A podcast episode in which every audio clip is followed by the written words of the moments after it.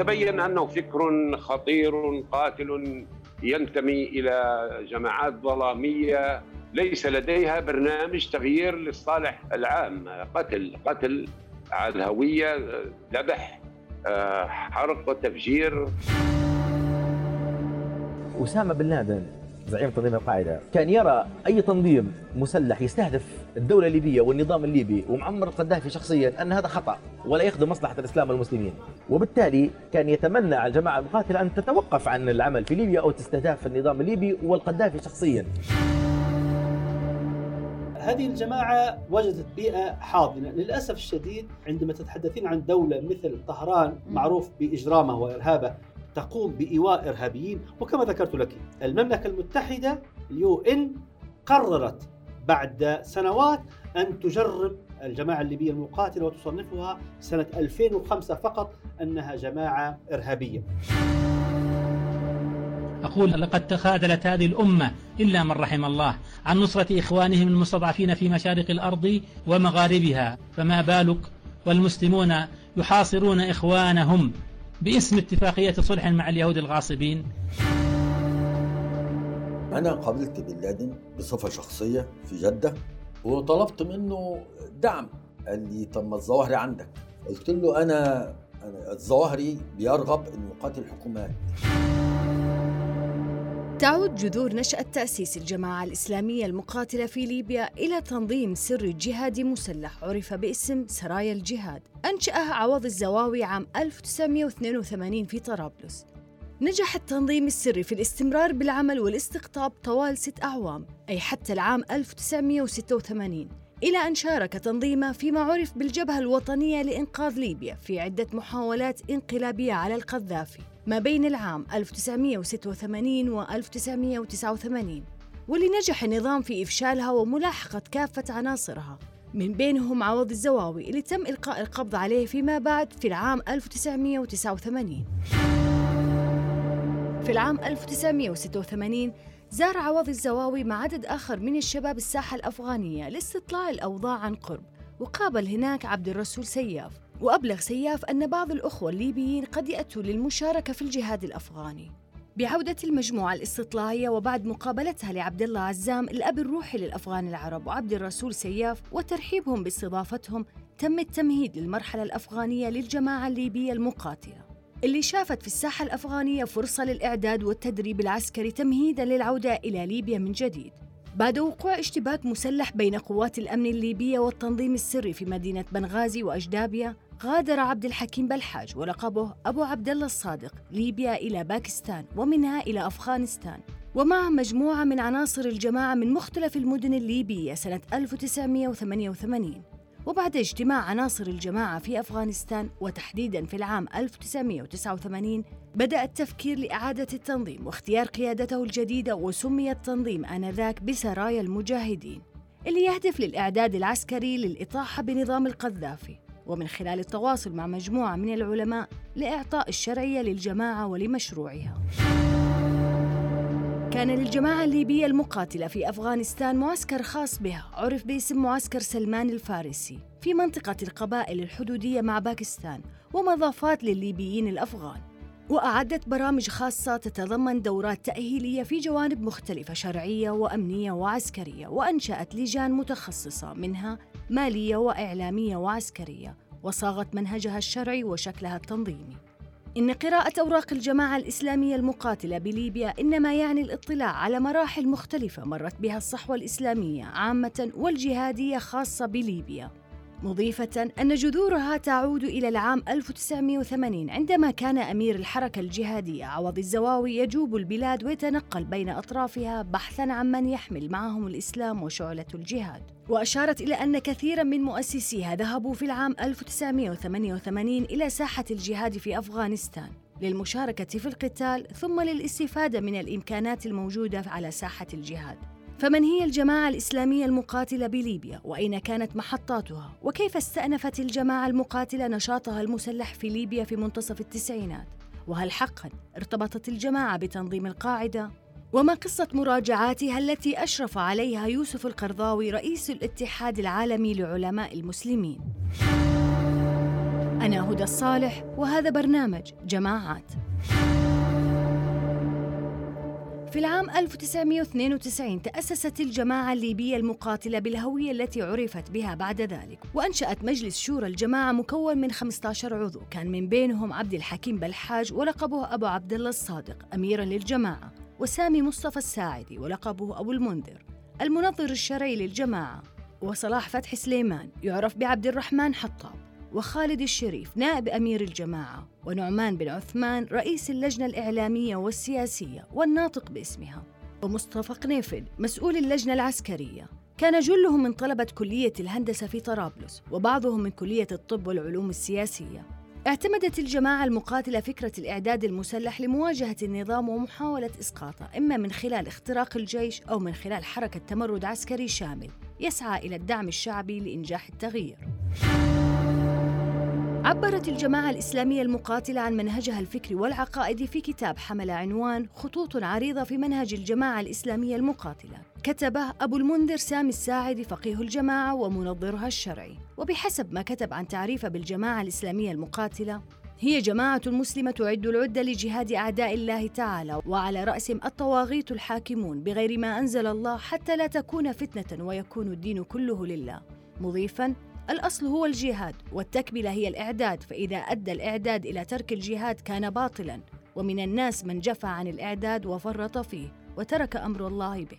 بالإضافة إلى كتابه بعنوان وبل الغمامة بأحكام الإمامة واللي قدم له الرجل الثالث في تنظيم القاعدة أبو يحيى الليبي وإسمه جمال الشتاوي ونشر الكتاب من قبل الجبهة الإعلامية الإسلامية العالمية وهي التابعة لتنظيم القاعدة. شاركت الجماعة في القتال في أفغانستان ومعارك كابول عام 1992 وبسبب الحرب الأهلية بين الأحزاب الأفغانية قررت الجماعة اتخاذ استراتيجية التقسيم. فبينما بقيت مجموعة تقاتل بجانب قلب الدين حكمة يار في أفغانستان تم تكليف مجموعة أخرى بالتوجه إلى ليبيا لإعادة بناء الخلايا. بينما توجهت مجموعة أخرى إلى السودان من خلال التنسيق مع حسن الترابي فكانت هي القاعدة الثانية للجماعة الليبية المقاتلة بجانب زعيم القاعدة أسامة بن لادن. وهنا تم تنصيب أمير جديد للجماعة الإسلامية المقاتلة بدلاً عن أبو المنذر سامي الساعدي. وبدأ التنظيم في تسيير نشاطه وحركته وتهريب عناصر الجماعة إلى داخل ليبيا. ونشطت حركة التسلل على الحدود الجنوبية لليبيا وإنشاء مضافات وقواعد إيواء في مدينة سبها. بدأت العناصر في ليبيا في جمع السلاح عن طريق سرقة مخازن السلاح التابعة للجيش الليبي وكذلك عمدت إلى تجنيد عناصر من الجيش والأمن. أما المجموعة الرابعة فتوجهت إلى أوروبا مستغلة ملاذات اللجوء السياسي واستقر عدد منهم في بريطانيا. من بينهم أبو المنذر المسؤول الشرعي للجماعة ومعه اللجنة الإعلامية لجمع الأموال وإرسالها لمسؤول التنظيم في السودان. كذلك لإدارة الجهاز الإعلامي للجماعة المقاتلة من الخارج. لعبت أيضا الجماعة المقاتلة دورا في الجزائر بعد إلغاء نتائج الانتخابات اللي فاز فيها الإسلاميون عام 1993 وبدأت طلائع الأفغان الليبيين بالتوجه إلى الجزائر للمشاركة في المواجهات المسلحة. لكن انتهت التجربة بتصفية عدد من أبرز الأفغان الليبيين على يد الجماعة الإسلامية المسلحة الجزائرية. منذ العام 1995 وحتى 1998 نفذت المقاتلة عددا من العمليات المسلحة في مدن ليبية مختلفة. ووقعت صدامات مسلحة بين عناصر الجماعة وقوات النظام الليبي. كان أبرزها المعارك التي اندلعت مع قوات الأمن الليبية في خريف العام 1996 بعد استهداف وقصف مواقع الجماعة المقاتلة في الجبل الأخضر شمال شرق ليبيا. أعزائي المستمعين والمشاهدين حتى نناقش في حلقتنا آه، موضوع الجماعة الليبية المقاتلة نستضيف في البداية آه، وبنعرف بضيفنا الكريم من مدينة بنغازي في ليبيا آه، سعادة اللواء صالح رجب المسماري وزير الداخلية الليبي الأسبق واللي كان مسؤول عن ملف الجماعة الليبية المقاتلة أمنيا وفكريا خلال ثلاث مراحل. طبعا في مرحلة ملاحقات الأمنية بعد التفجيرات في بداية تسعينيات القرن الماضي ثم مرحلة التحقيقات بعد القبض على بعض القيادات واخير المرحلة الأخيرة مرحلة الحوار الفكري اللي, اللي نتج عنها كتاب المراجعات اللي اصدرتها الجماعة تقريبا في حدود 2009 وتم الإفراج عنهم من السجون في ليبيا. ومعنا أيضا الأستاذ رمزي رميح مستشار المنظمة الليبية لدراسة الأمن القومي ومستشار سابق في جهاز الأمن الخارجي والأمن القومي. وكذلك الأستاذ أحمد راشد آه، وهو كان أحد عناصر وقيادات تنظيم الجهاد المصري وأيضا كان آه، مؤسس لأحد المعسكرات آه، في أفغانستان تحديدا في منطقة جاجي. وأيضا كان مسؤول عن إدارة هذا المعسكر وأشرف على عدد من الشخصيات التي انخرطت في داخل هذا المعسكر. ومن بينهم من هم اليوم ضمن الجماعة الإسلامية الليبية المقاتلة قياداتها مثل عبد الحكيم بلحاج ومنذر الساعدي وغيرهم. تحياتي. شكرا جزيلا لكم أعزائي. شكرا لك سعادة اللواء معنا أهلا وسهلا. مرحبا.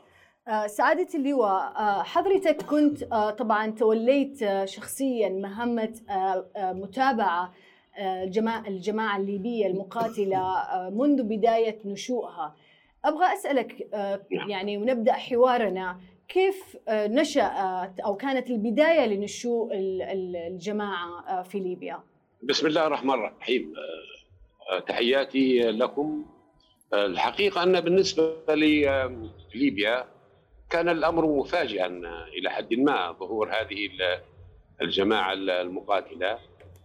يعني كانت هناك في البداية بعض الأحزاب كحزب التحرير الحزب الشيوعي حزب البعث. آه، لكن يعني ظهور حركات تفجر وتقتل وتذبح كان مفاجأة للليبيين طبعا البداية كانت صراحة أيام الغزو السوفيتي آه، لأفغانستان.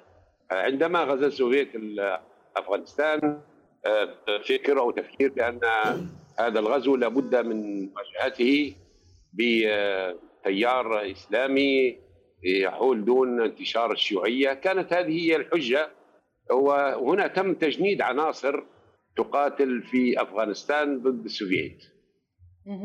آه، طبعا هناك استدراج لهم من جهة ما. تقريبا أنا لازلت أقول أن أخوان المسلمين كانوا وراء هذا الاستدراج وقيل لهم أنه بعد خروج السوفييت من أفغانستان عودوا وحرروا آه، أوطانكم من الحكام الطغاة ومن الأنظمة الدكتاتورية كما يقولون عنها.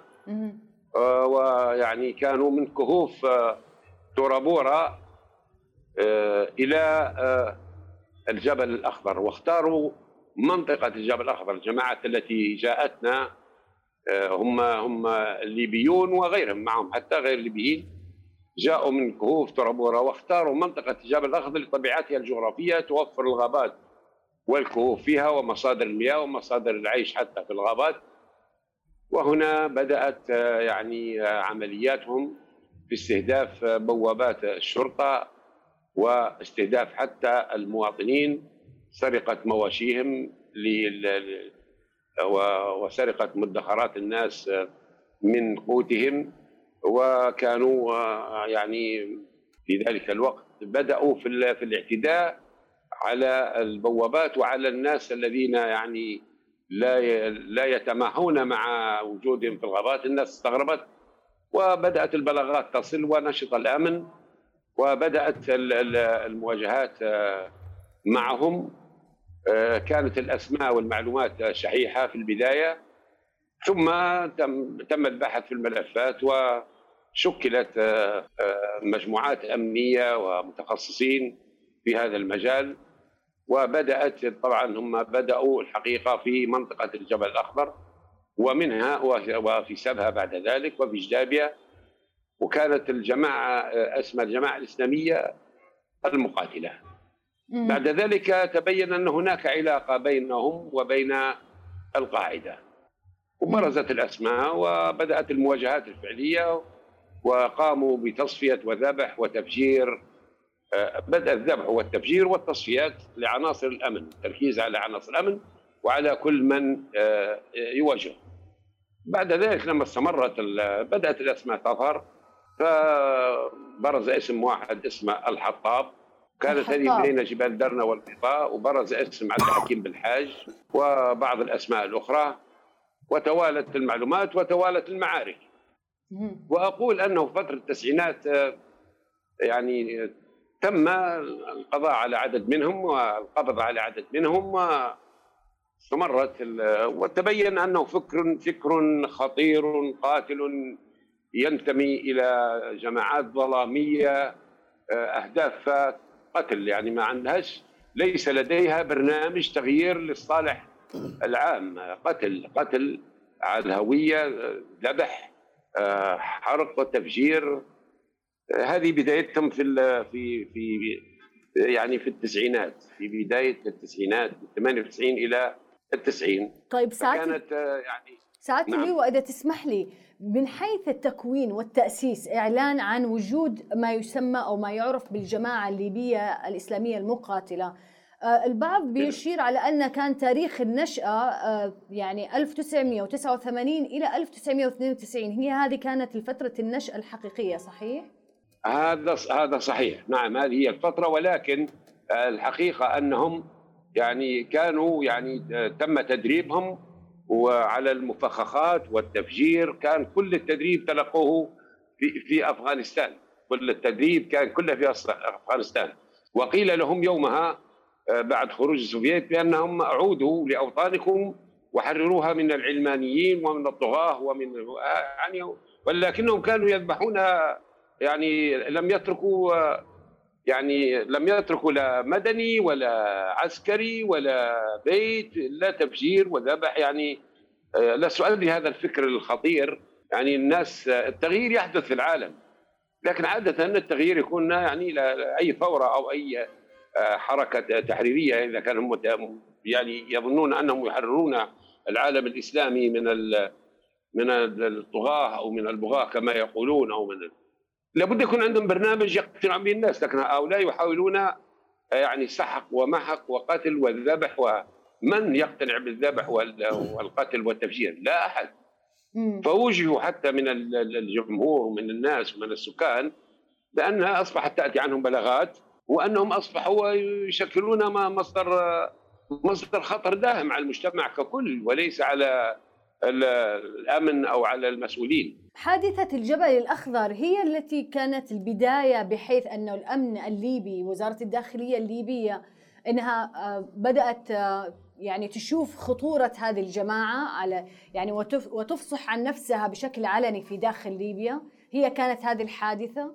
نعم هم اختاروا أول أول ما بدأوا بالجبل الأخضر آه، اللي من ناحيه الطبوغرافيا والجغرافيا وطبيعة طبيعة الأرض.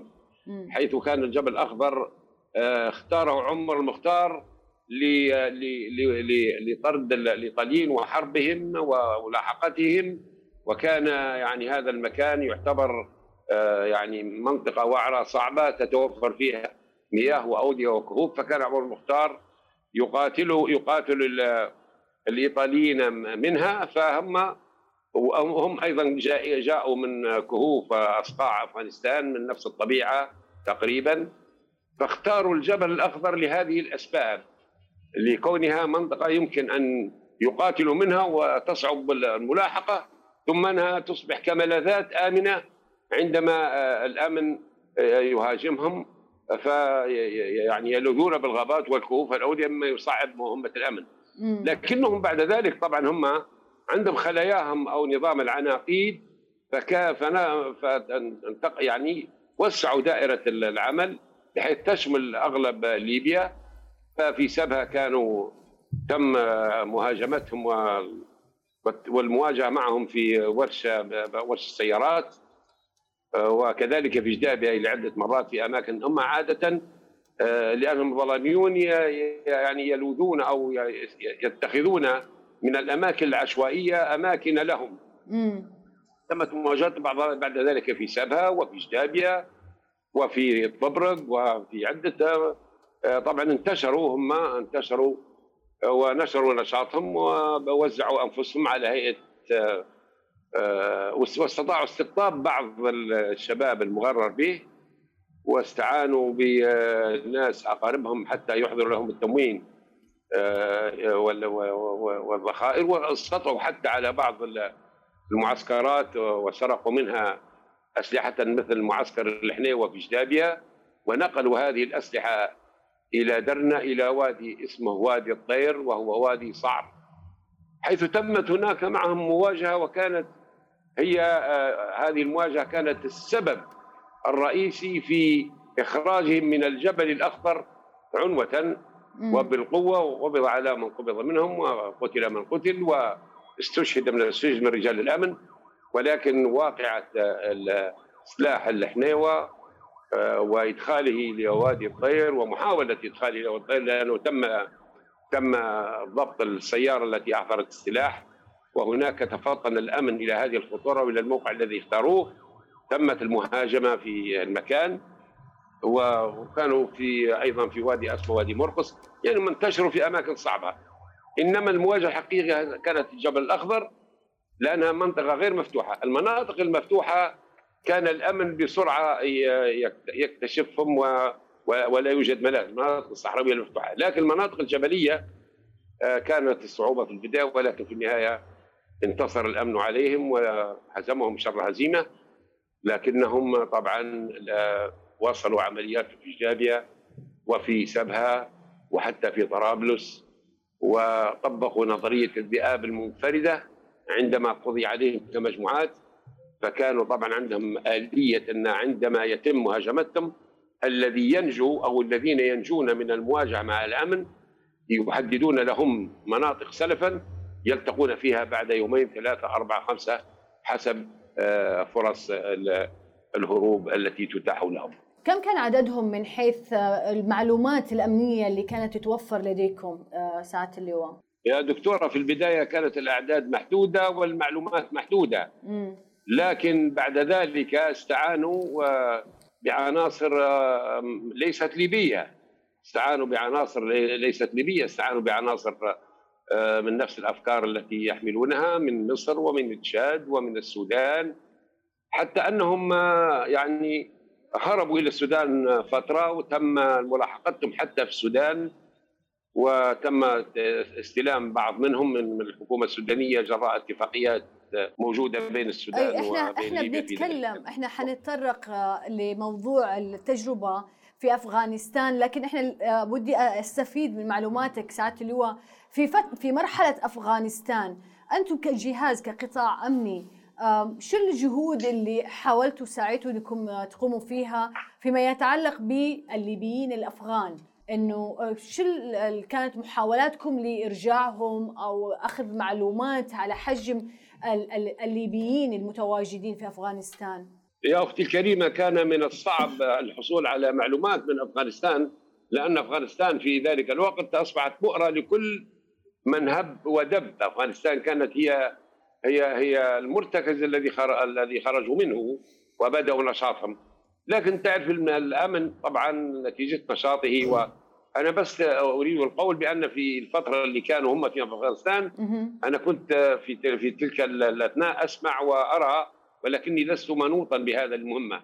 أنا في المهمة بدأت عندما آه، تم الصدام بيننا في الجبل الاخضر كنت منوطا بهذا ال- العمل وكانت آه، في اجهزه يعني آم، كثيرة ت- تعمل في هذا آه، باعتبارهم طبعا ما كانوش ما كانش مثلا مجرد تتبع وتحريات كانت مواجهات أصبحت مواجهات. آه، بالنسبة لي أنا من من الجبل الأخضر من بداية آه، بروزهم وظهورهم في الجبل الأخضر. آه، وقبل حتى أم حتى أن أمسك بالملف يعني كنت في الميدان كنا نحن وإياهم وجها لوجه قتلوا منا وقتلنا منهم أصرنا منهم ولم يؤسروا منا أحدا لكن بعد ذلك استمرت وعندما أصبحت مسؤولا عن ال ال الأمن الداخلي. آه، هناك أمسكت بالملف واطلعت على آه، خبايا كثيرة ما كانت متوفرة لي. يعني في البداية كان عملنا ميداني وملاحقات على ضوء معلومات تأتي إما من المواطنين وإما من دوريات نرسلها إلى إلى الجبل إلى الجبال والغابات وطبقنا قاعدة التعايش. يعني هم يعيشون الغابات نعيش معهم في الغابات. فكانت المواجهه تتم على هذا النحو. مم. نعم. طب سعادة اللواء كان في آه، في 8 عام 1998 تنظيم القاعدة نفذ عملية تفجير سفارتي الولايات المتحدة في نيروبي ودار السلام. تفجير السفارتين بكينيا وتنزانيا. الولايات المتحدة صحيح. كانت آه، آه، وضعت أحد الليبيين اللي من الجماعة الليبية المقاتلة ضمن قائمة المطلوبين وتم القبض عليه آه، لاحقا إذا ما خانتني الذاكرة أنه هو أبو الليث الليبي. أبو الليث الليبي نعم صحيح. طيب ممكن تحكي لي بخصوص هذا الموضوع يعني إذا كنت آه، كنت يعني طلعت على هذا الملف وإيش كان الاتصال بينكم بين الولايات المتحدة بهذا الخصوص؟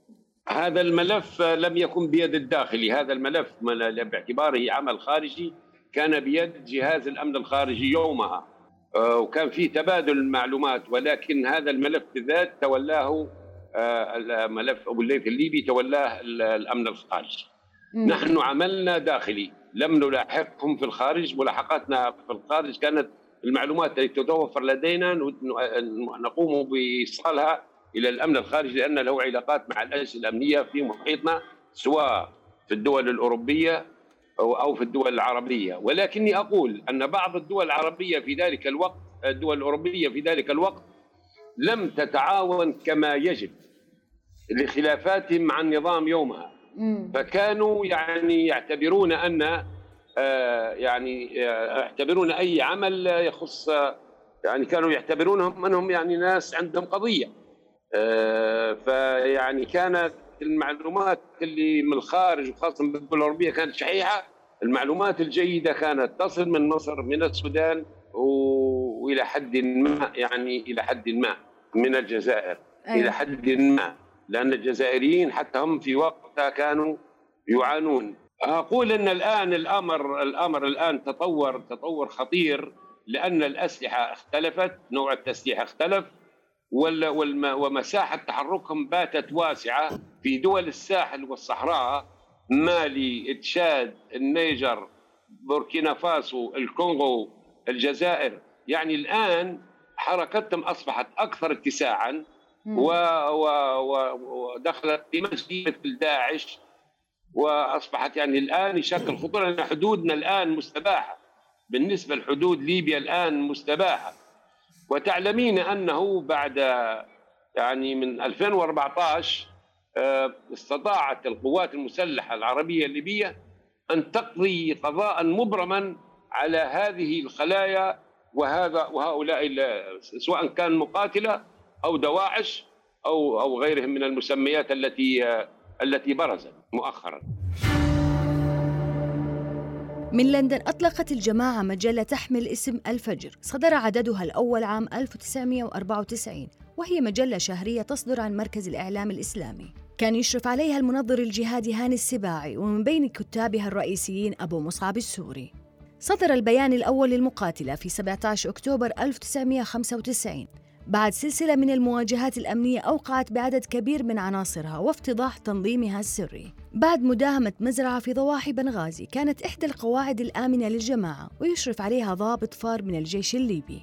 وجاء في البيان الأول تعلن الجماعة الإسلامية المقاتلة عن قيامها من أجل أداء واجب الجهاد في سبيل الله. وقد آن الأوان للجماعة الإسلامية المقاتلة أن تخرج من طور السرية إلى طور العلنية. نظرا للمرحلة الحساسة التي يمر بها العمل الجهادي في ليبيا كما تعلن عن تبنيها للأحداث الجهادية المباركة التي اندلعت منذ شهر محرم 1416 في مناطق ليبيا شرقا وغربا. وأضاف البيان إن مواجهة طغاة هذا العصر من أمثال القذافي غدا من أوجب الواجبات بعد الإيمان بالله تعالى وذلك لتحكيم شريعة الله. وإن إزالة هذا النظام المرتد وتخليص الشعب الليبي المسلم من معاناته لا يمكن أن يكون بدون جراح وآلام وتضحيات بالنفوس كما تدعو الجماعة الإسلامية المقاتلة الشعوب المسلمة التي اشتعلت أراضيها معركة بين الحق والباطل وبين عباد الرحمن وأولياء الشيطان إلى أن يأخذوا مكانهم في هذه المعركة إلى جانب المجاهدين. وفقا لما حدد البيان للجماعة المقاتلة حول أسلوب العمل فيتضمن إعداد الأفراد إعدادا شاملا والاستفادة من مبدأ السرية وفق ما تمليه المصلحة الشرعية وبث روح الجهاد وتحريض المؤمنين على القتال. والوقوف موقف النصرة والموالاة من كافة الطوائف المجاهدة في أي بقعة من بقاع الأرض. طيب أبغى أسألك أستاذ رمزي الجماعة آه، الليبية المقاتلة يوم آه، بعد ما طبعا في أفغانستان بعد ما تم إخراج الاتحاد السوفيتي وقتها حدث الخلاف ما بين الأحزاب الأفغانية واضطرت الجماعات إنها تجد لها أماكن وتوزعت طبعا الجماعه الليبيه مثل باقي الجماعات في عدة مناطق عده دول. كان الاستفادة مما يسمى باللجوء السياسي في الدول الغربيه كان كرت يعني ساعد كثيرا الجماعه الليبيه المقاتلة في في في عواصم دولية خاصة مثلا واشنطن عندنا ألمانيا لندن. بالذات في إطار البعد الإعلامي والدعائي للجماعة. إحنا طبعا نذكر مجلة الفجر اللي كانت هي آه، يعني الإصدار الرسمي اللي يتكلم باسم الجماعة الليبيه المقاتلة وكان يشرف على هذا آه، هاني السباعي اللي هو المعروف المنظر للسلفية الجهادية. فكيف تشوف آه، هذا إلى أي مدى كان هذا ال- الوجود في الخارج دعم من قدرة ال- الجماعة الليبيه المقاتلة ماديا واعلاميا؟ اولا أهلا. هناك إضافة بسيطة تفضل. آه، حول تاريخ ونشأة هذه الجماعة. أن هذه الجماعة آه، بدأت ملامحها آه، تظهر في سنة 82 مم. كتيار فكري متشدد. طبعا والإسلام منهم براء وعسكري. ال- السلطات الليبية نحن في ليبيا معترف بنا دوليا كسلطات أمنية في المراقبة والمتابعة. آه، النظام الليبي كان آه، حازما وحاسما. في أي أمر آه، يتعلق بالأمور الأمنية يهدد سلامة الدولة. وبالتالي معروف يعني من الناحية آه، حتى ال- أجهزة الأمن العالمية تشهد لجهاز الأمن الليبي سواء كان الأمن الخارجي سواء كان الأمن الداخلي سواء كانت الاستخبارات أنه كان يقظ جدا. وهناك معلومات مؤكدة أن أول من أبلغ العالم برسائل استخباراتية سرية بخطورة تنظيم القاعدة وب- وبن لادن. فنشأ هذا التنظيم في سنة 82 ولكن سرعان ما تم القضاء على تسعة رؤوس من هذا التنظيم. حاولوا في سنة آه، 85 أو 86 إعادة الكرة وأيضا النظام الليبي كان يقظ جدا. أتت قصة آه، أفغانستان وبدعم دولي آه، وجدوا هؤلاء الشباب المغرر بهم آه، ضالتهم في الوجود في أفغانستان كنوع من العقيدة أننا ندافع وننافح عن آه، الإسلام والمسلمين هناك ضد الغزو السوفيتي.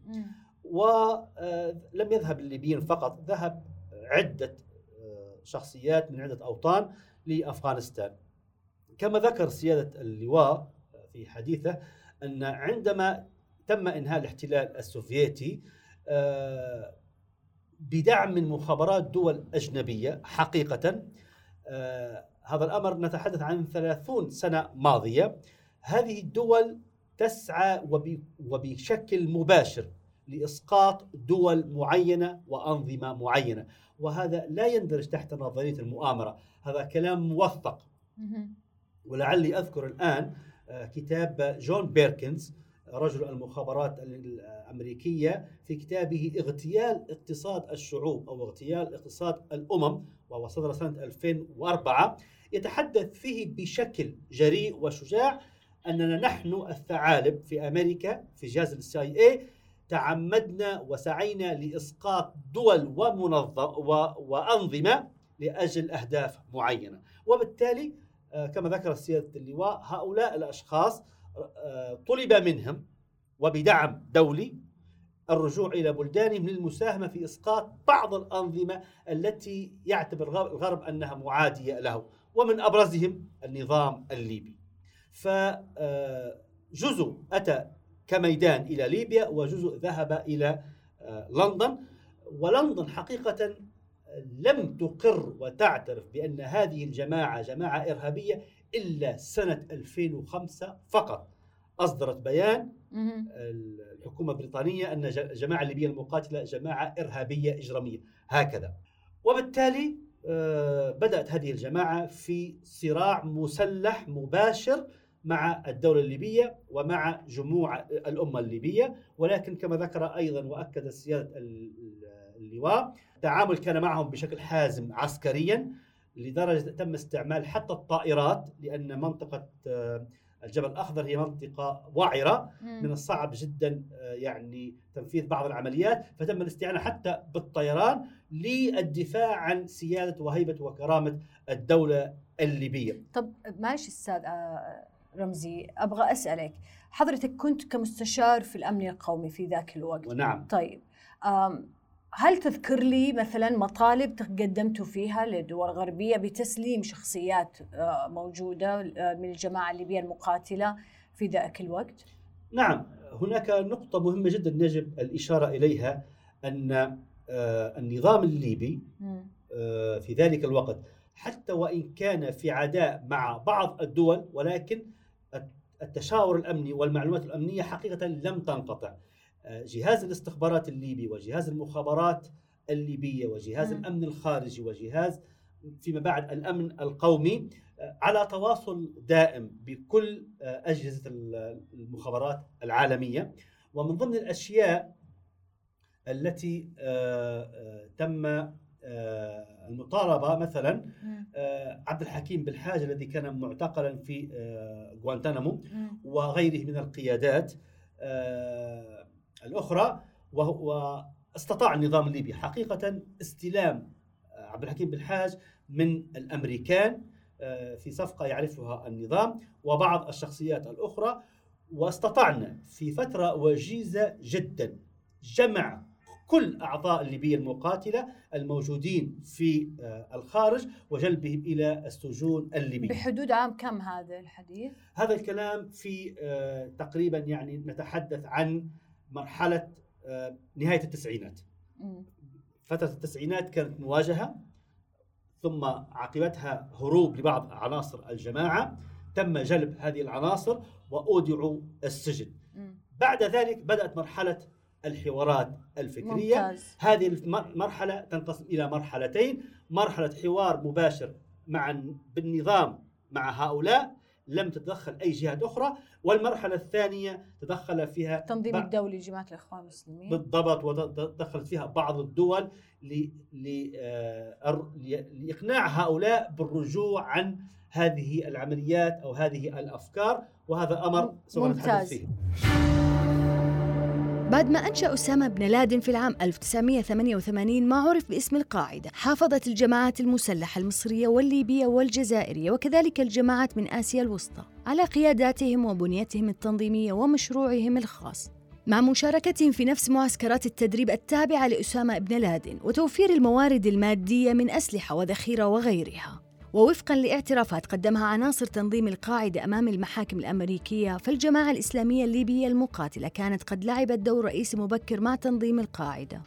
مع ذلك رفضت الجماعة الإسلامية المقاتلة عرض ابن لادن في إعلان بيعتها رسميا لتنظيم القاعدة بغرض التركيز على العمل الداخلي والمحلي في ليبيا. لكن لم يمنع ذلك انخراط عدد من مقاتلي الجماعة في تنظيم القاعدة منذ بداية تأسيسها مثل أبو جعفر الليبي وأبو أنس الليبي وحمد الله الليبي وأبو عبد الله القادر. وبرزت أسماء عدد من الليبيين المعتقلين لدى الأمريكيين على خلفية ارتباطهم بتنظيم القاعدة منذ بداية تأسيسها إلا أنهم انسحبوا وانضموا لاحقا للجماعة المقاتلة. بينما بقي عدد آخر من الجماعة المقاتلة يشارك في القتال ضد الأمريكيين في أفغانستان والعراق. من بينهم محمد الفاخري الملقب بابن الشيخ الليبي المسؤول عن معسكر خلدن وأبو الفرج الليبي الدكتور توفيق. الالتقاء الفكري بين الجانبين أكد موقع الجماعة الإسلامية الليبية المقاتلة على شبكة الإنترنت بنشر التسجيلات الصوتية والمرئية لأسامة بن لادن وعبد الله عزام وعمر عبد الرحمن المرشد الروحي للجماعة الإسلامية المصرية. كان للجماعة المقاتلة تقديرا كبيرا لدى حركة طالبان وتحديدا منظرها الشرعي أبو المنذر سامي الساعدي. اللي وصفها الملا عمر زعيم طالبان بشيخ العرب. لقد تخلت أمة التبليغ إلا من رحم الله عن أداء أكمل رسالة وأعظم تكليف رباني لقد تخاذلت أمة من خاطبه ربه بقوله فقاتل في سبيل الله لا تكلف إلا نفسك وحرض المؤمنين عسى الله أن يكف بأس الذين كفروا. أقول لقد تخاذلت هذه الأمة إلا من رحم الله عن نصرة إخوانهم المستضعفين في مشارق الأرض ومغاربها فما بالك؟ والمسلمون يحاصرون إخوانهم باسم اتفاقية صلح مع اليهود الغاصبين. والنصارى المحتلين وما فلسطين والعراق وأفغانستان وغيرها عنا ببعيد. بل والحكومات تمنع نصرة المستضعفين وتعاقب من يحاول نصرتهم وتجد وللأسف الشديد من العلماء من يبرر لتلك الحكومات أعمالها. وبادل أبو المنذر ذات التقدير والولاء وشبه سقوط إمارة طالبان بسقوط الأندلس. في منشور له بعنوان نعم رحل طالبان وجاء فيه نعم رحل طالبان ورحل معها حلم المدينة الفاضلة الذي أصبح حقيقة واقعة. رحلت أحكام الشريعة عن أفغانستان. لقد أحسسنا لأول مرة في حياتنا بالانتماء إلى دولة تمثل طموحاتنا وآمالنا. وعشنا في ظلها عزة آمنين ندين بالولاء والطاعة لأمير المؤمنين. ونعمل جنبا إلى جنب مع الطالبان لبناء الإمارة الإسلامية. إن الفاجعة التي ابتلينا بها بغروب شمس الإمارة لتفوق فاجعة سقوط الأندلس. فلتبكي على نظام طالبان كل عين مشتاقة إلى دولة الإسلام المنتظرة. وفي أفغانستان اعتنى أبو شداد المصري واسمه أحمد راشد بتدريب قيادات الجماعة الإسلامية المقاتلة. من بينهم عبد الحكيم بلحاج ومنذر الساعدي. في معسكر خاص قام بإنشائه أستاذ أحمد آه، أبغى أسألك كانت الجماعة الليبية كانت نشطة آه، بشكل كبير في عمليات تدريب عناصرها واستنفارهم في داخل أفغانستان. نعم. بأنها تستفيد من هذه آه، التجربة التدريب لمتابعة المسار الجهادي يعني بعد ما يرجعوا ل طبعا مختلف الجنسيات بعد ما يرجعوا لدولهم. آه، فقدرت الجماعة الليبية إنها تستقطب عدد كبير وتسوي برنامج للتدريب آه، آه، للشباب اللي هناك. على الأفكار والأسس اللي كانت منطلقة في ذاك الوقت هي الأفكار السلفية الجهادية نعم. آه، اللي كانت في ذاك الوسط. واستوعبوا عدد من الشباب ال- الليبيين آه، طبعا صار يطلق عليهم آه، الأفغان الليبيين أو الليبيين الأفغان. ودي تحكي لي على هذا الموضوع. طبعا يقال أن الجماعة الليبية المقاتلة كانت أكثر ما تأثرت بالجماعة الإسلامية المصرية بأدبياتها. آه، جماعة الجهاد المصري مش الجماعة الإسلامية. اللي يعني حسب قراءاتي إنه البعض بيربطها بالجماعة الإسلامية المصرية والبعض بيرى بالجماعة الجهاد المصرية. يعني إنه كان في من كتبهم كانوا يستشهدوا بعمر عمر عبد الرحمن الشيخ الضرير وغيره. فودي حضرتك أستاذ أحمد تحكي لي في هذا ال ال ما تذكره بخصوص تواجد الجماعة الليبية المقاتلة هناك؟ منهجها الفكري آه، منطلقاته أسسها آه، المنهج الفقهي حقها تبع لمين؟ نقدر نقول قطبية نقدر نقول آه، سلفية جهادية أو إنها آه، صار في دمج ما بين آه، التيارين. هي تبع مين يعني؟ بسم الله والحمد لله والصلاة والسلام على رسول الله. الجماعة الإسلامية المقاتلة أنا التقيت ببعض عناصرها داخل أفغانستان في نهاية آه، 88 نهاية عام 88 بداية عام آه، 89 آه، تدريباتها الأولية تلقتها في معسكرات الإخوان المسلمين زي معسكر صدى معسكر خوست بس الأصل صدى. آه، الجماعة الإسلامية المقاتلة كأفراد مهم. آه، تدربوا على جميع أنواع التدريبات في المعسكرات دي. من أول الأسلحة لحد المتفجرات لحد القنابل. ومارسوا عمليات جهادية ضد الشيوعيين الأفغان في في في كافة الجبهات. أنا التقيت بيهم في جبهة قندهار. التقيت بمين؟ تذكر لي أسماء؟ التقيت بأبو المنذر الساعدي. عبد الحكيم. عبد الحكيم بلحاج. والله أنا المهندس اللي التقيت بيه هناك هو كان مهندس اللي أنا التقيت بيه مهندس عبد الحكيم مم. التقيت بأبو الليث الليبي مم. بأبو أبو يحيى الترهوني. وده كان صف ضابط كان صف ضابط في حراسة آه، آه، القذافي. هم الجماعة الإسلامية المصرية والجماعة وجماعة الجهاد المصرية بيحاولوا يستقطبوا الايه العناصر الجهادية ال- من بلدان أخرى مم. لأفكارهم فما يمنعش إنهم يتأثروا بأفكار عمر عبد الرحمن في الجماعة الإسلامية المصرية بس تأثرهم الرئيسي والأساسي والدستور بتاع عملهم الفكري كان بيرتكز على كتاب ال- العمدة اللي ألفه سيد إمام عبد العال مفتي جماعة الجهاد المصرية العمدة لإعداد العدة. العمدة لإعداد العدة. مم. ده كان دستورهم الرئيسي ودستورهم الأساسي. أفكارهم تتأثر بالتكفير هناك تتأثر مم. بالتكفير بس هم مش تكفير بس تتأثر بالتكفير. يعني هي أقرب ما تكون من وجهة نظري إلى السلفية الجهادية مزجا ما بين أفكار الجماعة الإسلامية وجماعة الجهاد المصرية وجماعة التكفير اللي هناك لأن التكفير هناك كان في رأس التكفير الجزائري أحمد الجزائري مم. التكفير كان بينشط بين الجزائريين أكتر. فتاثرا بأفكار الجزائريين وللعلم المعسكر اللي أسسته أنا في جاجي كان في أحد عناصر الجماعة آه، الجماعه الإسلامية المقاتلة. وهو عبد الحكيم وكان في عناصر جز- جزائرية بس اتضح إن أغلبها كانت عناصر تكفيرية تتبع لأحمد الجزائري وهم دمروا المعسكر فيما بعد مم. وإيش كانوا يتدربوا في ذا المعسكر آه، عبد الحكيم بالحاج أبو منذر الساعدي خلال هذه الفترة؟ كنت عايز آه، تفضل. أضيف نقطة ال- الجماعة الإسلامية المقاتلة كانت بتنال دعم من بن لادن. في في إيجاد مضافه لهم ومعسكر منفصل للتدريب. آه، لأن بن لادن بعد ما الناس الجماعات كلها اللي هناك رفضوا أسلوب البيعة والاحتواء اللي عايز يعمله بن لادن.